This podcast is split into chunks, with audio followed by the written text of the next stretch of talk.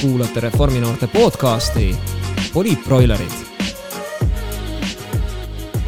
tere tulemast Reforminoorte podcasti, täna on meil külaliseks Riigikogu esimene aseesimees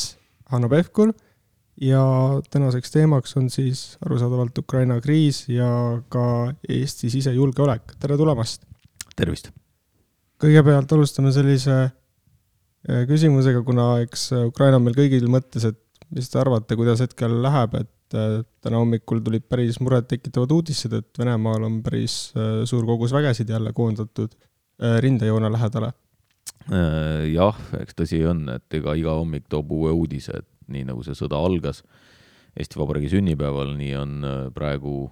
selge, et, et asi on läinud väga kriitiliseks ja, ja noh, selline äh, esimene pealetungilaine venelastel ebaõnnestus ilmselgelt äh, ja, ja Ukraina väed olid väga tublid ja Ukraina tegelikult ju kõik inimesed, et ega siis seal ei ole ainult regulaarväed, vaid tegelikult ka vabatahtlikud on, on kostitanud seal venelasi Molotovi kokteilidega ja erinevate, erinevate muude kaitsemehhanismidega kuni selle, sinnamaani välja, et inimesed on ise läinud äh, ju konvoidele ette, aga, aga noh, praegu on tõsi see, et jah, et, et selline äh, kümnetest kilomeetritest pikk äh, kolonn liigub Kiievi poole ja, ja see on äh, hetkel kõige kriitilisem kindlasti, et, et see surve, surve Venemaa, ehk paistab selgelt, et Venemaa on oma taktikat muutnud, et nad on äh, valinud sellise nii-öelda massiivse, mitte täppisrünnaku ja, ja kuna Blitzkrieg läbi ei läinud, et siis võetakse kõik meetmed tarvitusele, et Kiiev kätte saada ja noh, nüüd on tõesti mm, järgmiste päevade, tänase ja järgmise paari-kolme päeva küsimus, et kas Kiiev Äh, ja Ukraina suudab vastu panna või mitte, aga noh, Ukraina tervikuna ma olen kindel, et suudab ikka väga pikalt vastu panna, küsimus on hetkel Kiievis. ja eks ütleme nii, et Eesti on ka oma panuse andnud, et koos Ukrainaga seista, eks äh, päris palju sanktsioone on tulnud, me tegime ise ka Reforminoorte poolt avalduse sellise ettepaneku, et äh, mida täpsemalt Eesti võiks ette võtta, selleks ajaks, kui avaldus välja läks, olid osad meie ettepanekutest juba täidetud, järgmised on täitmisel ja no Riigikogu on avalduse teinud Ukraina teemal, et selline küsimus, kas midagi on veel tulemas, et äh, või noh, sellist suurt just, et kas äh, mingid uued avaldused või uued äh, sellised Ukraina teemalised ettepanekud? no kui me siin räägime, siis neil hetkedel hakkab Riigikogu just erakorraliselt kogunema ja, ja Riigikogu äh, arutab täna julgeolekuolukorda, kaitseminister Laanet teeb ettekande, riigikaitsekomisjon ja, ja siis äh, on loomulikult iga Riigikogu liikmel võimalik oma arvamus ka öelda. Neid mõtteid, mida veel sanktsioonidena teha, kindlasti on ja, ja me koos liitlastega seda ka arutame, et äh, suur osa on tehtud, need hakkavad juba Venemaal mõju avaldama ja me näeme seda, kuidas nii-öelda bank run või, või selline äh, pankadest raha väljavõtmine käib hirmsooga, Vene rubla on kukkunud kolinal ja kivina, eks ju, et, et siin täna hommikulgi äh, hakkas levima üks äh, graafik, et kui Putin sai presidendiks, et äh, kui palju siis on sellest ajast rubla kukkunud, et noh, põhimõtteliselt me räägime ikkagi sellest, et kus rubla, rubla kurss äh, dollari suhtes on kukkunud sealt kuskilt kahekümne, kahekümne viie rubla pealt praegu juba seal saja viiekümne peale, eks ju, et, et siis noh, see, see on ikkagi kohutavalt kiire kukkumine, et kõik saavad aru, et kui seitse korda ühe valuuta väärtus devalveerub, et, et siis äh, on majandusel riigis väga raske, aga, aga noh, küsimus ei ole praegu ju selles, et kas Venemaal on, on äh, nüüd ühel või teisel inimesel raske või mitte, vaid selles, et äh, Venemaal äh, peab see surve viima kõik selleni, et kas siis tõesti Putin taandub või, või, või Vene rahvas, noh, see, see muutus saab tulla Venemaalt seest, et see ei saa tulla nagu kindlasti nagu lõpuni väljastpoolt, aga ja, ja noh, loomulikult kõik meetmed ka selleks, et äh, Ukrainat aidata, et eks see läheb iga päevaga raskemaks selles mõttes, et need varustuskanalid, mis siiamaani on väga hästi toiminud Ukrainasse, äh, hakkavad äh, muutuma keerulisemaks, maateed, õhuteed, noh, veetee Mustalt merelt on niikuinii olnud keeruline, praktiliselt võimatu, aga aga noh, see, sellepärast tegelikult kindlasti kõik lääneliitlased, sealhulgas Eesti, mõtleb tõsiselt selle peale, aga mõtleme ka selle peale, kuidas Venemaal olukorda muuta, näiteks eile ma rääkisin äh, Äh, mõlema suure meediamaja juhiga, Postimees Grupi ja, ja, ja Ekspress Grupi juhtidega ja selleks, et, et oleks võimalik venekeelne meedia teha paywall'i tagant vabalt kättesaadavaks. Ja, ja nad olid mõlemad sellega nõus, nii et noh, need on ka sellised sammud, kus me tõesti ka vene publikut suudaksime harida, nende silmasid avada sellest, mil, mis Ukrainas toimub, sellepärast jätkuvalt Venemaalt tulevad signaalid äh, ütlevad seda, et äh, seal inimesed teavad, et äh, Vene vaprad väed võitlevad ainult Luganski ja Donetski rahvavabariigi eest, mitte midagi rohkemat, nii et noh, see, et, et ka Kiievis või Hersonis või, või, või Mariupolis on tigedad lahingud, sellest ei tea vene inimesed midagi, rääkimata sellest, et üle viie tuhande Vene noore on kaotanud juba Ukraina sõjas elu eks äh, jaa, selles mõttes äh, hetkel on paistnud see minu arust silma ka, vähemalt selle kaudu, et erinevad sellised noh, influencer'id, äh, just nagu mittepoliitikud on sõna võtnud selle Ukraina kriisi teemal ka Venemaal sees, et selline nagu infosõja pool, millest tavaliselt Venemaa on üsna niimoodi tugevalt silma paistnud, ei paista nii edukalt hetkel minevat no tegelikult me ei tea seda lõpuni, ma arvan siiski, et,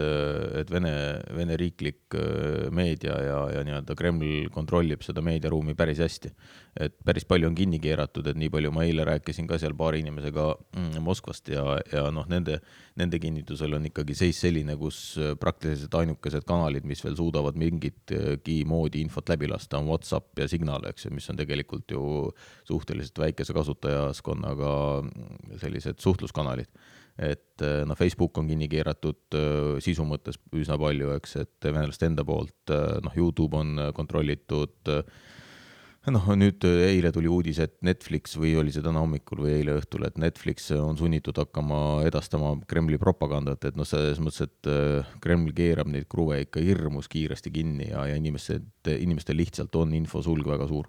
Selles mõttes jah, päris hirmutav on vaadata seda, kuidas keskmise Venemaa kodaniku jaoks sellisest nagu Äh,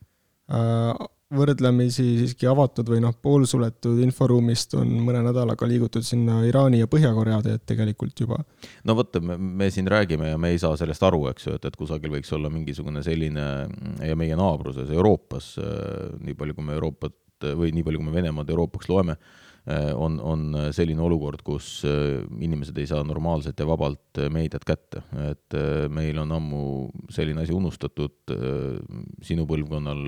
ei ole kunagi sellist muret olnud, et ei saa meediast midagi kätte või ei saa meediast objektiivset infot, et nii nagu ilmas asjad juhtuvad, nii, nii neid ka kuvatakse rahvale, et, et see on, see on väga-väga suur erinevus, milles vaba demokraatlik riik elab ja, ja, ja kus siis diktaatorlik riik elab just nii, ja eks hetkel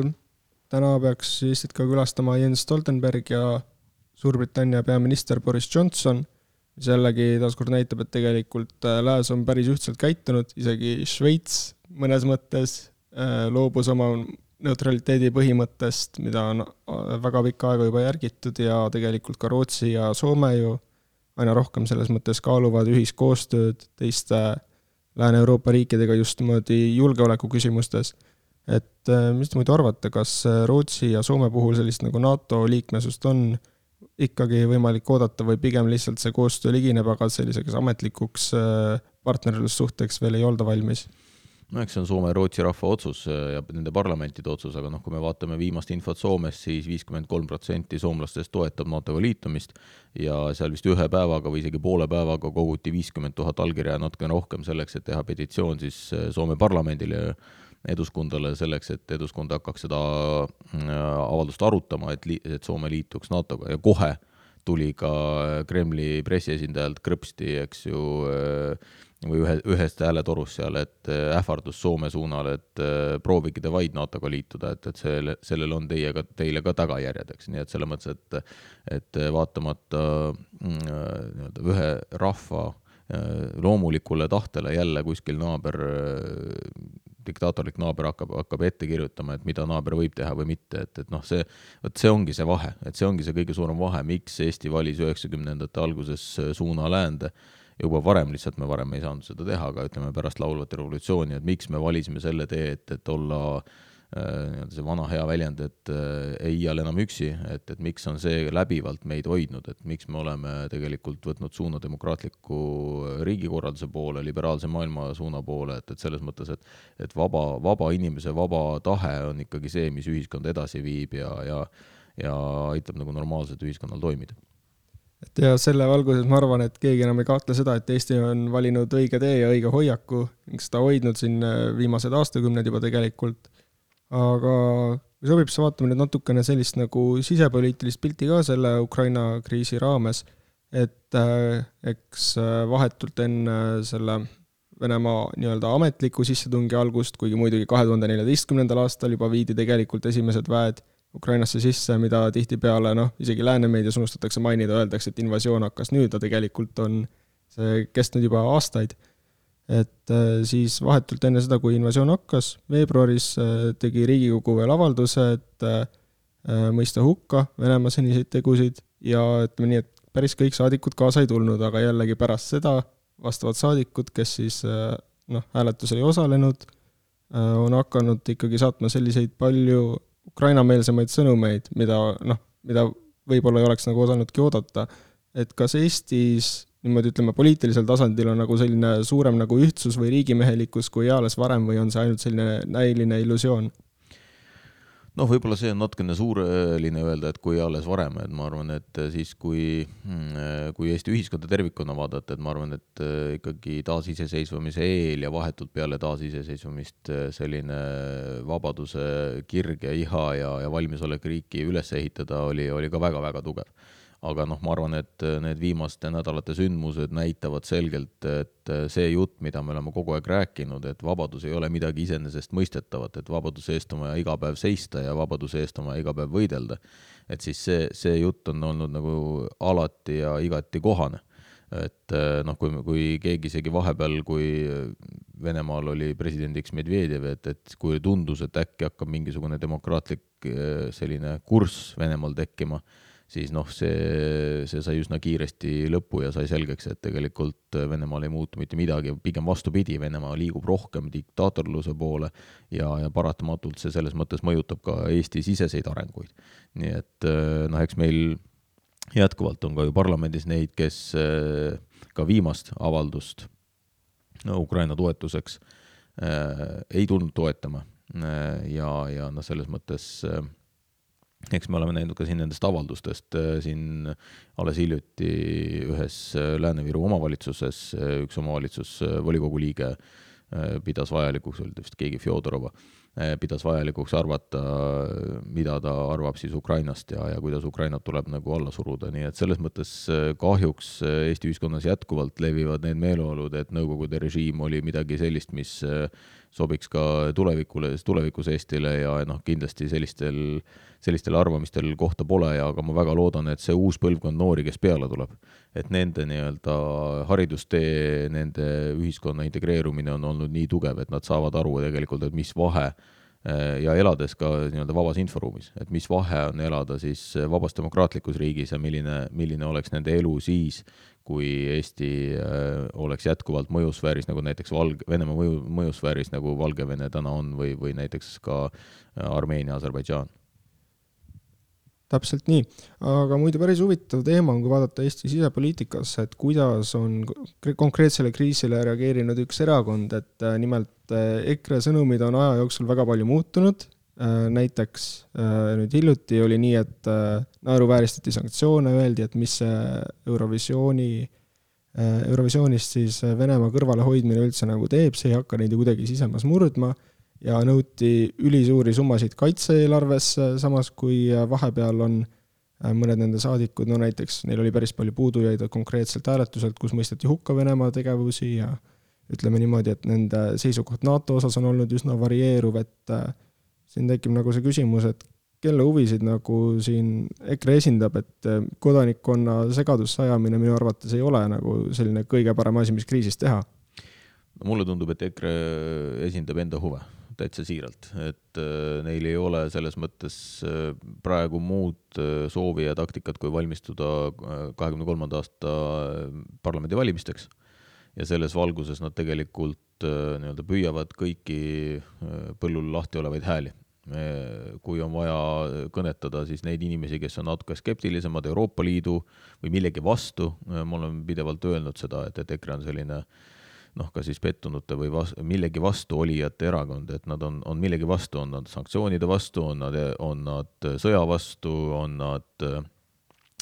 Euroopa Liidu vastu, vaktsineerimise vastu, noh, millegi vastu ollakse kogu aeg. ja, ja neid sõnumeid tegelikult ju EKRE liidrite äh, sõnavõtud ka kannavad ja noh, eks EKRE on selles mõttes väga keerulises olukorras poliitilises mõttes, et äh, nende mm, selline üks hääletoru, Varro Vooglaid,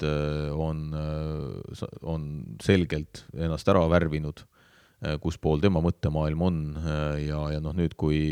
EKRE liidrid pidid äh, siis hakkama õigustama Varro käitumist või maha tegema Varro käitumist, siis oligi täpselt kahtepidiseid sõnumeid et Henn Põlluaas ütles, et ei, et sinimustvalge ikka peab olema Pika Hermanni tornis ja, ja siis äh, koostus sealt ka hääli, et noh, et, et mis ta nüüd siis, et ei, ei, et Varro ei ole kuidagi EKRE-ga seotud ja siis teisest küljest jälle öeldi, et noh, tegelikult ikkagi ajab õiget asja, eks, et ja ja noh, ka parlamendisaalis tegelikult, äh, kuigi EKRE saadikud ja eelkõige siin Mart Helme on pidevalt öelnud, et ärge siduge meid äh, Varro Vooglaiuga, siis täitsa kogemata äh, ühes, äh, kas oli arupärimisele vastamises või infotunnis, ma nüüd täpselt ei mäleta, aga, aga kus ta siis äh, noh, nii-öelda täitsa kogemata rääkis ennast sisse, ütles, et meie korraldasime vot sellel kuupäeval meeleavalduse, et mis tegelikult oli siis Varro Vooglaiu poolt korraldatud, nii et noh, tegelikult nad ikkagi selgelt kasutavad Varro Vooglaidu oma selliste nii-öelda radikaalseimate ideede testimiseks ja, ja vaatavad, kuidas siis sellele äh, ühiskond reageerib, ma siin kirjutasin ka ühes artiklis, et noh, et, et, et EKRE kasutab Vooglaidu nagu Putin kasutab Žirinovskit, et sellised kõige radikaalsemad ideed käiakse kellegi kaudu välja, kes justkui otseselt ei ole sinuga seotud ja siis vaadatakse, kuidas ühiskond sellele reageerib ja kas siis on võimalik sealt veel edasi minna või mitte, nii et selles mõttes, et et noh, ma arvan, et EKRE jah, EKRE käitub väga, ühest küljest väga populistlikult, teisest küljest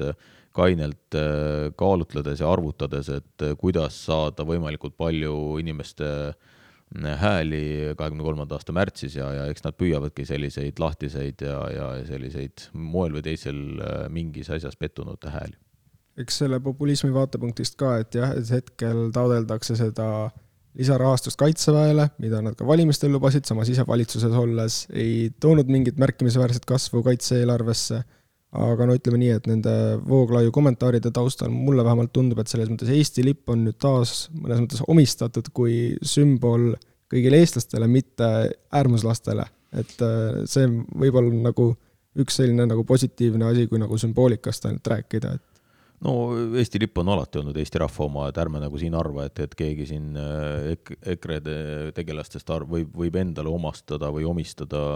sinimustvalget lippu, et Eesti sinimustvalge lipp on Eesti rahva äh, rahvuslipp ja, ja seda ei saa meilt mitte keegi ära võtta, nii et selles mõttes, äh, kuigi noh, loomulikult poliitiliselt tahetakse siin igasugu, igasuguseid teha äh, selliseid meeleavaldusi ja, ja näidata, et ainult siin ainuke sinimustvalge kandja ja ainuke rahvuslaste erakond on EKRE ja vahest püüab Isamaa ka siis natukene näidata, aga no, no olgem ausad, eks ju, et meil kõigil, noh, ja eelkõige ma ütleks, Reformierakonnal on on kõige suuremad teened selle ees, et Eesti on täna nii hästi kaitstud, nagu me oleme sest et kelle, meie kaitsepoliitika kindlasti on nagu kõige, kõige tugevam ja kõige paremate ekspertidega kaetud, et siin ei ole nagu mingit kahtlust ja, ja noh, selles mõttes kui kellelgi üldse on äh, võimekust äh, Eesti poliitikas tõsiselt rääkida nii siseturvalisusest, äh, julgeolekust kui rahvusvahelisest koostööst, siis see on Reformierakond, sellepärast et noh, kui, kui, kui võtta kõik meie Riigikogu liikmed, kes vastavas valdkonnas tegutsevad, olgu see Äh, Marko Mihkelson äh, julgeoleku vaatest äh, kahjuks lahkunud Johannes Kert ja kahjuks lahkunud Madis Milling, kes meil oli, aga, aga samamoodi ju kindral Laaneots, eks, et, et noh, mina ise olen olnud siseminister, et seda, seda pädevust on meil nagu päris, päris palju, nii et noh, et kui, kui kellelgi on arvamist, et nendel on pädevust rohkem, siis selle, selle väite ma julgen päris kindlasti ümber lükata. ja sellega olen ka mina nõus ja ütleme nii, et äh, kui nüüd meenutada seda, et äh, omal ajal sai kinnitatud selline piiritrassi ehitamine, mida on siis päris palju kärped mõjutanud ja minu teada vähemalt hetkesel kujul, millise, on teil nagu teada, et millisel kujul nagu üldse seda piiritrassi plaanitakse nagu välja ehitada, et kas nagu antud kriisiolukord paneb ka nagu mõtlema, et äkki sinna on nagu vaja lisarahastust suunata või kiiremini valmis teha? Jaa, no esiteks me juba suunasime piirile täiendavaid vahendeid äh, juba ka praeguse meie valitsuse ajal, äh, aga siis, kui ma omal ajal piiriehitust alustasin, no Mart Helme käib ja kelgib, et tema alustas, noh, see on ju tegelikult jama, eks ju, selles mõttes, et et äh, aasta oli kaks tuhat neliteist mai, kui ma esimest korda piiril käisin siseministrina ja, ja siis Siseministeeriumist kraapisime esimesed sajad tuhanded kokku selleks, et piiri äh, piiri olukorda parandada ja noh, loomulikult siis juba tegelikult sündmused arenesid äh, edasi ja, ja pärast äh, venelaste mm, sellist, ma ütleks, sissetungi Eesti Vabariigi territooriumile ja Estonkoferi röövimist tegelikult sai piiriehitus ikkagi tõsise hoo sisse ja ja need plaanid, mille meie siis valmis joonistasime minu eestvedamisel piiri ehituseks Äh, neid plaane hakkas just nimelt EKRE tegelikult ju kärpima ja kratsima, eks ju, et äh, ja, ja noh, osalt ka juba sotsid seal, kes äh, tulid siseministriks pärast mind, et siis võtsid sealt natukene, natukene juba plaane ma- või selliseid eelarvevahendeid maha, aga, aga noh, fakt on see, et, et jah, tõepoolest tuleb esi-, kõigepealt alustada piiritara paigaldamisest ja, ja patrullteede paigaldamisest, aga ma olen sügavalt veendunud, et, et parim riigipiiri kaitse saab olla ikkagi täisintegreeritud piirikaitse, sellepärast et äh, noh, see aeg, kus piiri valvata kahe patrullmehe ja ühe koeraga, et, et see aeg selles mõttes on kindlasti möödas, et, et äh, piir peab olema kõrgtehnoloogiline, seesama piiritara, mille me paneme, peab olema varustatud nii kaamerate kui sensoritega Äh, vajadusel kasutada ka droone selleks, et äh, piirist oleks absoluutne ülevaade ja, ja ma olen sügavalt veendunud, et see, see, kuhu me nii-öelda tagasi liigume nüüd äh, pärast seda, kui Mart Helme siseministrina sealt päris palju miljoneid maha kraapis, et tegelikult see on õige tee, et, et piir oleks kõrge, kõrgel tehnoloogilise varustusega ja, ja hästi, hästi nii-öelda siis kõrgtehnoloogiline ja muidu hetkel vaadates seda, et kui äh, täpsemalt suunati lisarahastust nüüd siis äh, riigikaitsele, siis tegelikult kõik erakonnad Riigikogus antud küsimust pooldasid ja ma arvan, et vaieldamatult üheks tähtsamaks teemaks, mõnes mõttes sarnaselt kahe tuhande viieteistkümnenda aasta Riigikogu valimistega tuleb ka järgnevatel riigikaitse teema. Ja kui kõik sellest nagu räägivad ja omavad nagu sarnast äh, seisukohta, et kuidas siis peaks valija otsustama, et kelle poolt valida, et kas siis lähtuda sõnadest või lähtuda tegudest no muidugi aasta on veel minna, aasta on väga pikk aeg, et äh, siin võib päris palju muutuda, et tegelikult ka kaks tuhat neliteist äh, vastu minnes kaks tuhat viisteist valimistele tegelikult algselt ei olnud nagu põhiteema julgeolek. aga noh, pärast seda, kui äh, kui venelased Krimmi tungisid, eks ju, et, et siis, siis oli selge, et see nii-öelda see krõks käis ära ja siis see julgeolekuteema tuli uuesti fookusesse ja noh, täna on üsna sarnane olukord et ja võib eeldada tõesti, et see julgeolekutemaatika on äh, põhiline. eks inimesed saavad selles mõttes siis ise otsustada, et millised on tõesti erakondade ühest küljest lubadused, teisest küljest teod olnud, et ma arvan, et see otsus, et äh, et meie valitsuse ajal kolmsada kaheksakümmend miljonit äh, täiendavalt riigikaitsesse suunati Äh, meie, meie tegevus liitlaste suunal, äh, Kaja väga tugev pildisolek rahvusvaheliselt, seletamaks olukorda, mis on Venemaa selline strateegiline positsioon, kuidas, kuidas nad käituvad, et noh, et ega siis läänes on ikkagi väga palju olnud ka neid riike, kellel ei ole olnud sellist turvapilti, kui, kui võib-olla meil on ja, ja ka ohutunnetust. ja, ja noh, eks selles mõttes, et et äh, nagu ma ütlesin, meie, meie ekspertiis nii, nii siseturvalisuses kui välisjulgeolekus on äh, nii tugev, et äh, et ma arvan, minu arust ei ole siin nagu mingit kahtlust, et kõik inimesed, kes soovivad, et Eesti riik ka edaspidi oleks heades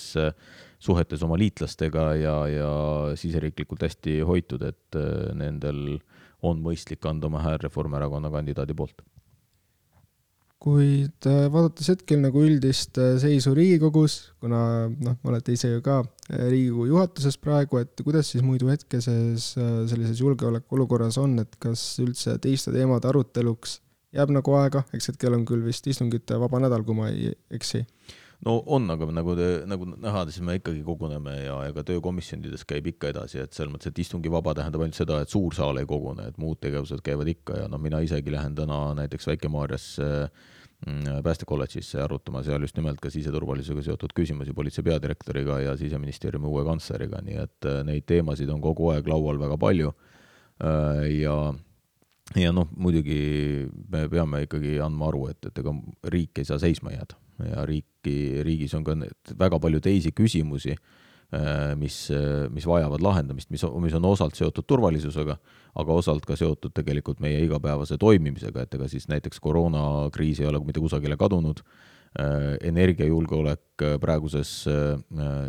julgeolekuolukorras on veelgi teravamalt tõusnud, eks, et, et millised on meie oma võimekused energiat toota, millised on meie ühendused meie partneritega, eks, et, et selles mõttes, et noh, minu arvates nagu praegu on ikkagi ülikriitiline aeg selleks, et, et need veel kuni jaanipäevani, kui mingilgi moel parlamendis sisuline töö käib, et, et tegelikult teatud otsused ära teha. Äh, ja, ja noh, kahjuks sügissessioonist alates tuleb äh, rohkem arvestada sellega, et selliseid sisulisi debatte jääb vähemaks, sellepärast et valimisteni on jäänud nii vähe aega ja kui valimisteni on jäänud vähe aega, siis parlamendiliikmed äh, keskenduvad eelkõige sellele, et kuidas minna valimistele ja noh, kõik erakonnad valmistuvad tegelikult selleks ja eks, eks Reformierakonnas ka juba ju ka programmiga töö käib, et millise, millise sõnumiga siis me valimistele läheme aga üldiselt võttes, et selle aja jooksul, kui te ise olete poliitikas tegev olnud, et see võib üsna kindlalt vist öelda, et see on üks kõige pingelisemaid aegu, mis äh, Eestis nagu aset on leidnud siin viimase noh, aastakümne-paari jooksul. no tõsi jah, et ütleme noh, mina poliitikas olen siis kahe tuhande kolmandast aastast nagu tõsisemalt, et ma erakonnaga liitusin varem, aga, aga kahe tuhande kolmandast siis nagu poliitikas sees ja, ja noh, ütleme selline äh, kaks tuhat, on olnud loomulikult raskeid aegu veel, et meil on olnud siin ju tervisekriise varemgi, et, et kui ma ju ja noh, majanduskriisist tulenevalt me oleme pidanud eelarvega tegelema, mis on olnud üsna raske, kaks tuhat kaheksa, kaks tuhat üheksa, kaks tuhat kümme tegelikult olid üsna keerulised ajad, mäletate, olid igasugused eelarvekrokodillid ja, ja ja kõik, mis meil siin oli, et, et majanduses oli üsna raske aeg.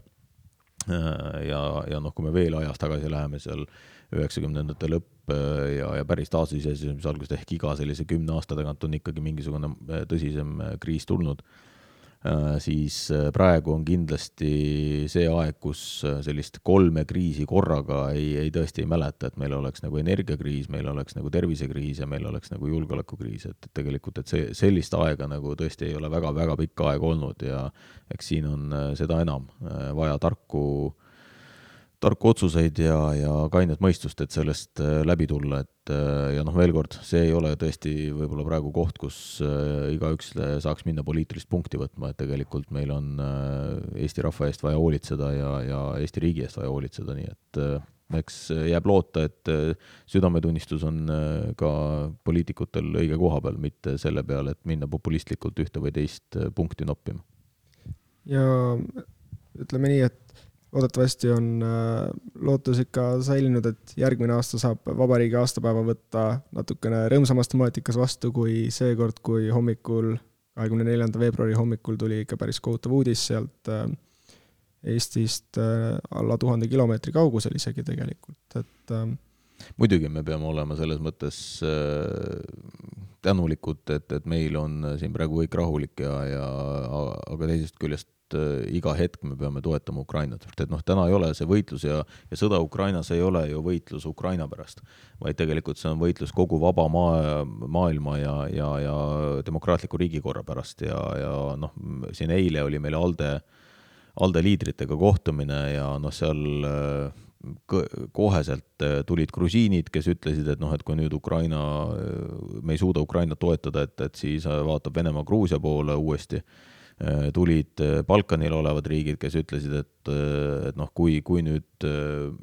lääne, lääne liitlased ei suuda Ukrainat piisavalt toetada ja Ukraina langeb, et, et siis on oht kohe Balkanil. noh, loomulikult me kõik teame ise, mis olukord on Baltimaades ja Poolas, mis tunded meil on. nii et seetõttu tegelikult Ukraina toetamine praegu on, on demokraatliku ja vaba riigi või vaba, vaba maailma toetamine ja, ja tegelikult Äh, jääb vaid tõesti loota, et äh, ukrainlased suudavad vastu panna ja, ja noh, selles mõttes, et äh, see, see hullus, mis seal praegu toimub ja tegelikult me ikkagi tuleb öelda seda, et mul on väga hea meel see, selle üle, et Haagi rahvusvaheline kohus inimõiguste poole pealt hakkas seda olukorda vaatama ja et, et tegelikult see on sõjakuritegu, mis seal praegu toime pannakse. see on kuritegu raha, rahu vastu, mis on ÜRO Äh, põhimõtetes kirjas, eks, et ja hartas, et, et äh, kuritegu rahu vastu äh, on, on miskit, mis ei aegu ja, ja et tegelikult need vastutajad viiakse ka Haagi kohtu ette, et, et, et noh, see on see võitlus, mida me praegu peame. Ja, ja loomulikult me, me keegi äh, ei, ei, ei, ei taha näha, et see olukord kestaks äh, veel kuid, isegi nädalaid, et aga, aga keegi ei oska ka ette ennustada, kui täpselt see läheb, nii et ma väga loodan, et järgmisel aastal vabariigi sünnipäeval tõesti me ei ole sellises meeleolus, nagu me täna sellel vabariigi aastapäeval olime. ja sellise lootustandva sõnumiga